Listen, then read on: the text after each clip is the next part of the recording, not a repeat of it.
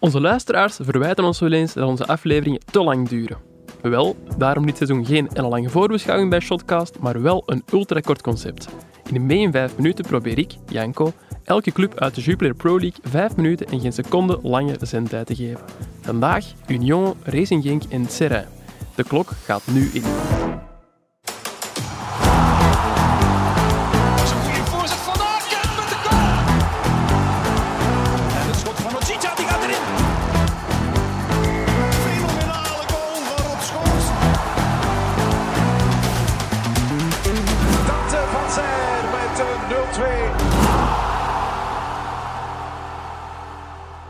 En beginnen, dat doen we vandaag met de ploeg die vorig seizoen bijna een modern voetbalsprookje schreef. Union Saint-Gilloise heeft nu ook officieel een nieuwe trainer. Karel Gerards werd zo pas voorgesteld als de nieuwe coach van de vice-kampioen.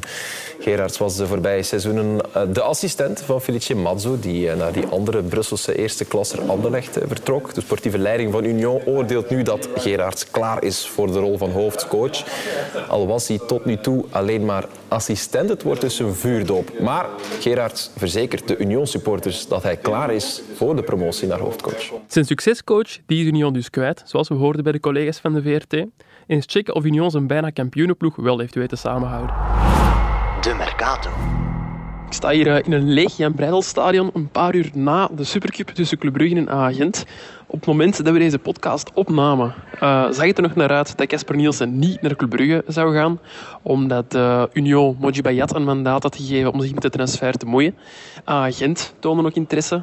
Nielsen had er aanvankelijk weinig zin in, leek bij te draaien, maar uh, vandaag, een paar uur voor de wedstrijd tegen Agent, raakte dan toch bekend dat Casper Nielsen komend seizoen een speler van Club Brugge wordt. En dat leek ons toch wel een uh, kleine correctie waard. Wie sowieso weg is, dat is Denis Undef, die naar Brighton trok. En ook huurling Kozlowski en Mian zijn weg, net als Beger en Mark, die aan het contract waren. Eens checken bij Union-watcher Thomas Camille of er nog sterkouders op vertrekken staan. Ja, verder is het voorlopig vrij windstil, moet ik zeggen, wat de uitgaande transfers betreft. Dus die, die grote uittocht die, die werd voorspeld, is er voorlopig nog niet echt. Um, er, zijn, er werden ook al wat contracten verlengd, hè, waaronder die van Burgess. En ook de aankoopoptie in het contract van Lazari is gelegd. Uh, dus dat zijn, ook wel, dat zijn ook wel twee belangrijke spelers. Hè. Dan moeten we, als er nog zouden vertrekken, misschien kijken richting uh, Van Zijr en Teuma. Al valt daar natuurlijk ook nog af te wachten. En na, na het seizoen hoorde ik dat Teuma wel oor had om, uh, om, om te vertrekken. Maar nu zou dat al iets, iets minder zijn. Dus ja, dat is, dat is moeilijk in te schatten voorlopig. Uh, dus ja, dat valt vo nog volledig af te wachten eigenlijk. Aan de andere kant wel een uh, hoop nieuwkomers bij Union. En dat zijn ongeveer allemaal onbekende namen. Ik ga die voor de volledigheid toch even opnoemen. Ross Sykes, dat is een Engelse verdediger van Accrington. Dennis Eckert Ayensa, een Duits-Spaanse spits van Ingolstadt. Victor Bonen, een Belgische verdediger van Deinze. Misschien kent uh, Guillaume ook die. Arnaud Donny, dat is dan weer een Belgische verdediger van STVV. En Simon Adingra, een Ivoriaanse linksbuiten, die wordt gehuurd van Brighton. En wie typt Thomas als zijn revelatie? Um, het is moeilijk. Ik denk vooral van de nieuwkomers dat we dan moeten kijken naar uh, Ross Sykes en naar uh, Dennis Eckert Ayensa. Um, Ross Sykes is een verdediger, hè, ook, ook een Brit. Um, die, die centraal, dus centraal van achter in die driemansverdediging zal spelen. Is een, een boomlange vent. Dus ik moet zeggen, ik kijk er wel naar uit om, om die in de competitie samen bijvoorbeeld met, Burgess te zien en met een Van Dijk. Dan heb je toch drie stevige gasten centraal achterin. Dus denk ik toch dat dat niet al te eenvoudig gaat zijn om die drie zeker in de lucht uh, te kloppen. Vooral dan Sykes en Burgess, want dat zijn toch wel um, zeer grote kerels en, en, stevige kerels ook. Die Sykes, ja, die beviel mij wel.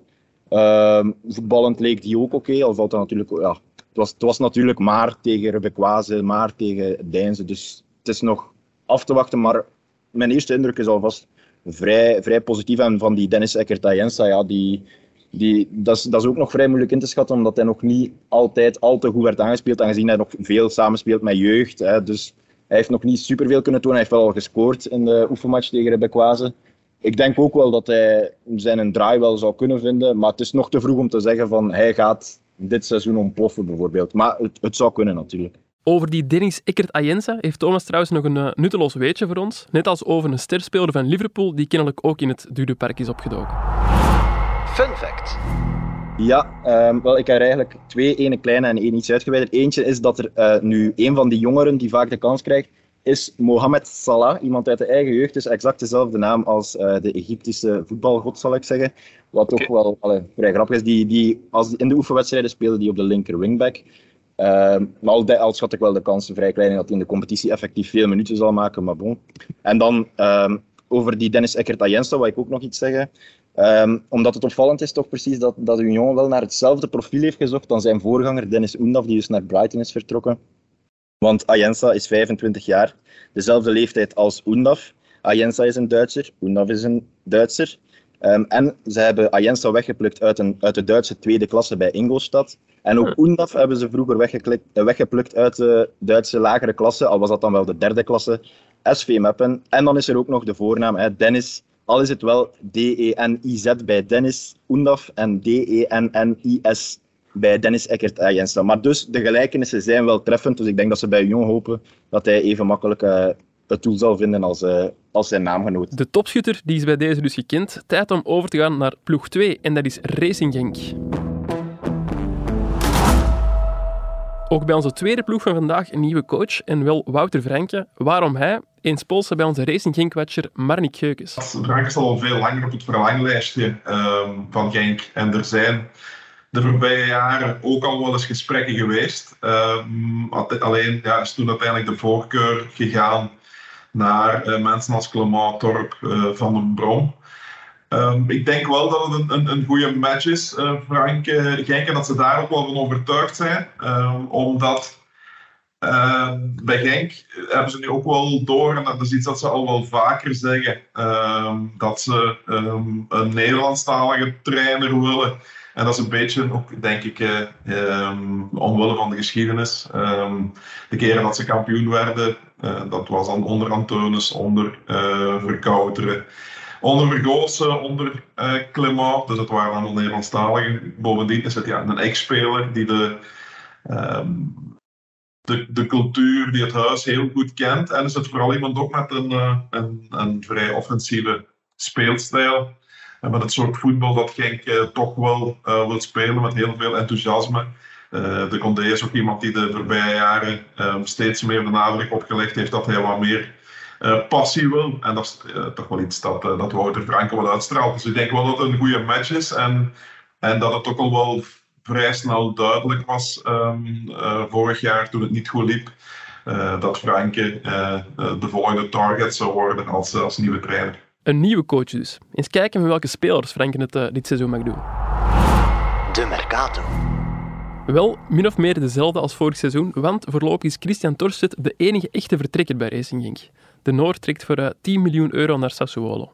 Op het moment van opname deed Racing Genk officieel nog geen enkele transfer in Comentan, al hoorde ik de voorbije dagen wel dat ze interesse tonen in twee Argentijnse middenvelders. Fausto Vera van Argentinos Juniors en Nicolas Castro van Newell's Old Boys. Met die laatste zou er intussen ook al een akkoord zijn en dat zou het aantal Spaanstaligen bij Genk op 7 brengen. Muy interessante para la gente, het nieuwsblad que habla español. Verder keerden er met de Waast en Kouassi, Oegbo en Dissers ook een paar jongens terug van een uitleenbeurt, maar de kans dat die allemaal bij Genk gaan blijven, die is eerder klein. Ik heb de voorbije dagen in interviews toch al wat geflirt gezien tussen Dessers en Feyenoord. Zei Janko, in plaats van zo te stoeven met je Spaans, uh, hoe zit dat eigenlijk met dat gesigneerd shirt van uh, Cyril Dessers? Want de, de winnaar, Miel, zie ik geregeld in onze Instagram opduiken met de vraag van, uh, is er daar nog een update over? Jij ging dat toch fixen? Ik ben dat volop aan het fixen. Het is zo, er is ook een, uh, een vakantieperiode geweest tussendoor, dus Cyril die is met vakantie geweest. Ik uh, uiteraard ook nog een paar keer. Maar ik heb deze namiddag met Cyril afgesproken en hij zou dan het shirt ondertekenen. Ah, ja. Dus dat gaat morgen nog de post op. Dus tegen dat we online komen met deze aflevering, gaat gelukkige Miel zijn shirt al hebben volgens ah, ja. mij. Es muy interesante información por el gentes quien gewonnen een shirt van Cyril Desser. Dus, daar staat nog veel haar op. Daar staat veel haar op. Doe maar door. Uh, Marnik die is er ondanks het gebrek aan nieuwkomers bij Genk toch in geslaagd om voor ons een revelatie te typen. In eerste plaats heb je natuurlijk Luca Ooyen. Dat is het, uh, denk ik toch wel het, het, het, het, grootste talent die het verste staat, omdat hij vorig jaar ook al um, vrij veel minuten gemaakt heeft. Het is iemand die um, met, een, met een flits uh, het, het verschil kan maken, maar die ook steeds beter wedstrijden gaat aanvoelen. Um, en, en, en de moment, zijn momenten kiezen om het af en toe sober te houden, dan af en toe toch wel um, uh, die actie te maken. Uh, maar er zijn er nog. Uh, Nemet is iemand die, Andras Nemet, is iemand die, die heel makkelijk scoort. Ehm, dat is ook al in de voorbereiding gebleven. Maar je hebt, dan ook nog El Canoes, ehm, die, die bijgetekend heeft, die, die, die, zijn, die, die contract getekend heeft en waarvan, waarvan ze heel veel verwachten. Dat is een, nummer 10, die heel uh, creatief kan zijn, ook een groot loopvermogen heeft, maar, maar ook wel ja, iemand met, met Vista. Uh, die tegen Utrecht nu ook weer uh, een knap doelpunt maakte. Maar misschien wordt de, de, relatie wel, wel iemand ja, die vorig jaar uh, minder aan bod kwam en die onder Franke dan helemaal kan, kan losbrengen. Ik denk dan bijvoorbeeld aan, aan Mike Tresor. Die tot nu toe nog niet helemaal bracht wat er van hem verwacht wordt. maar wel bij momenten en in flitsen al heeft laten zien dat hij over enorm veel kwaliteiten beschikt. vooral over een goede traptechniek ook. En dat is iets waar je de voorbije jaren, na het vertrek van Malinowski en, en, en Trossard, toch een beetje een, een lacune was in de groep, vond ik. Uh, dat je weinig mensen had die op stilstaande fases konden dreigen. Die uh, Andres Nemet, dat is trouwens een Hongaar met Zuid-Afrikaanse roots. Vond ik uh, wel een toffe combinatie. Maar tijd voor een nog nuttelozer weetje. Fun fact.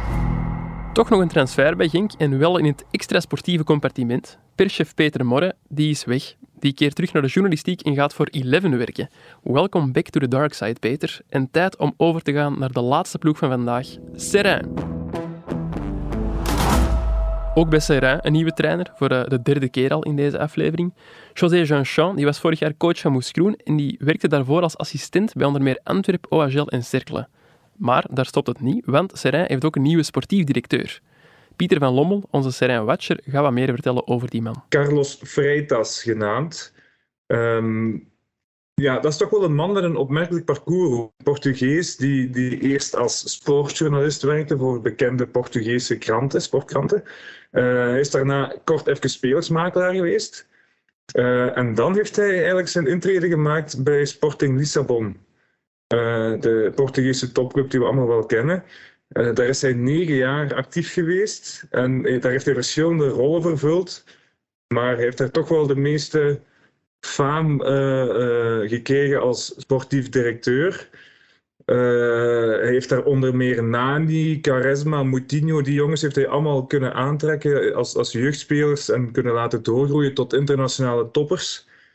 Um, en achteraf, dus na zijn periode bij Sporting Lissabon, was hij ook nog zowel bij Braga, Panathinaikos, Fiorentina, Guimarães en Metz uh, als sportief directeur aan de slag. En uh, ja, ik verwacht toch nog wel het een en ander qua transfers dan in de komende weken. Um, maar voilà, dus absoluut iets om in de gaten te houden. Die Freitas zou trouwens niet minder dan vijf talen spreken. Daar zijn zelfs wij bij Shotcast jaloers op. Eens kijken wat de Freitas heeft uitgevreten op de transfermarkt. De Mercato. Onze Portugese vriend had wel wat werk, want in totaal vertrokken er al 14 spelers bij Serrain. Allemaal uh, jongens van wie het contract of de uitleenbeurt afliep. Mikotadze, Mazis en Jello zijn er van de bekendste. In de plaats kwamen er wel al zeven nieuwkomers, met daarbij toch twee bekende namen. Christophe Lepoin, 37 intussen, die keer terug in 1A. En Serrain haalde ook Sergio Conceição binnen, de junior weliswaar. Conceição is 25, een rechtsachter en de zoon van de ex-speler van Standaard. Proficiat, Janko. Na zes keer ben je er eindelijk in geslaagd om dit blokje correct in te spreken. Veel moeilijke namen, hè? Inderdaad. Maar uh, tijd om eens te luisteren wie Pieter tipt als zijn revelatie. Mm, ja, dat is moeilijk te zeggen op dit moment. Natuurlijk uh, is Serijs een beetje de grijze muis in de naam. We moeten daar niet flauw over doen. De spelers zijn voor de meeste mensen ook wat nobele onbekenden. Maar als ik er dan toch eentje moet uitkiezen, dan ga ik voor Elias Spago. Uh, dat is een centrale verdediger van 20 jaar. En die heeft vorig jaar, vorig seizoen, al wat sporadisch al wat speelminuten gekregen. Vooral na nieuwjaar. Maar dit jaar lijkt hij wel klaar om, om een stap te zetten en uh, om zijn plaats in, de, in die basis 11 van John Shaw op te eisen. Uh, hij liet al wat goede dingen zien in de voorbereiding. Hij lijkt echt wel stappen gezet te hebben. En wat, wat vooral in zijn kaart speelt, hij is een, een linksvoetige centraal verdediger en dat is een profiel dat toch wel erg gegeerd is. Top, nog een uh, nutteloos weetje om af te sluiten en dan zijn we weer al rond voor vandaag. Fun fact. Als ik uh, transfermarkt.be mag geloven, dan kunnen vader en zoon Concessao het 47ste vader- en zoonpaar worden in de Belgische hoogste klasse. Dan heb ik nog eens een quizvraag voor Guillaume. Welke vader en zoon speelden opgeteld de meeste wedstrijden in uh, 1A, allee, de Belgische hoogste klasse is. Dat is weer zo'n quizvraag waar je alleen maar bij kunt verliezen. Hè. Dat, jij niet. Um, ik denk spontaan aan Wamberto, maar dat gaat niet zijn. Uh, ah, um, Kevin en Erwin van den Berg. Nee, fout. Die staan wel in een, uh, de top 3, op de derde plaats om precies te zijn, met samen 375 wedstrijden. Op plaats 2 vinden we Vital en Hans van Aken met oh. 378 wedstrijden. En op één Eddy en Christophe Snelders. Ah, ja. 453 stuks. Oké, okay. leuke, leuke vraag. Dank u wel, dank u wel. Ik moet mezelf uh, trouwens ook nog even corrigeren. Um, en dan wel over uh, een vorig quizje dat ik nu heb gedaan. Ik vertelde in aflevering 2 dat KW Kortrijk na Club Brugge pas de tweede ploeg is met een Chileense international. Maar dat klopt niet. Ik heb, uh, ik heb mij vergist. Dus ik heb nu eigenlijk gewoon opnieuw een quizvraag voor u, Guillaume. Wie is die derde ploeg en wie is de speler in kwestie? Eh, Eddie Snelderos en Christophe Snelderos? Nee, nee, dan vermoed ik dat hij ergens in de, in de jaren stilletjes gaat zijn. Alleen toch voor mij de jaren stilletjes. Het is uh, bij Charleroi te doen en het is uh, ja, de Chileen uiteraard, Osvaldo Hurtado. Oh, oké. Ja, nee. Nou, dat is wel een bekende naam. Dat, dat had ik kunnen weten. Echt? Nee. Ah. het is wel een bekende naam, maar Ludo, niet kunnen Onze chef Ludo van de Wallen die gaat er ongetwijfeld wel hebben geweten. Inderdaad. Kom jong, 15 minuten zijn bijna voorbij. Oké, dan gaan wij over naar onze afsluiter. Zo, we zijn uh, weer helemaal mee. Morgen hopelijk uh, geen correcties en dan kunt u luisteren naar onze vooruitblik op het seizoen van Antwerp, KV Mechelen en Eupen. Ciao.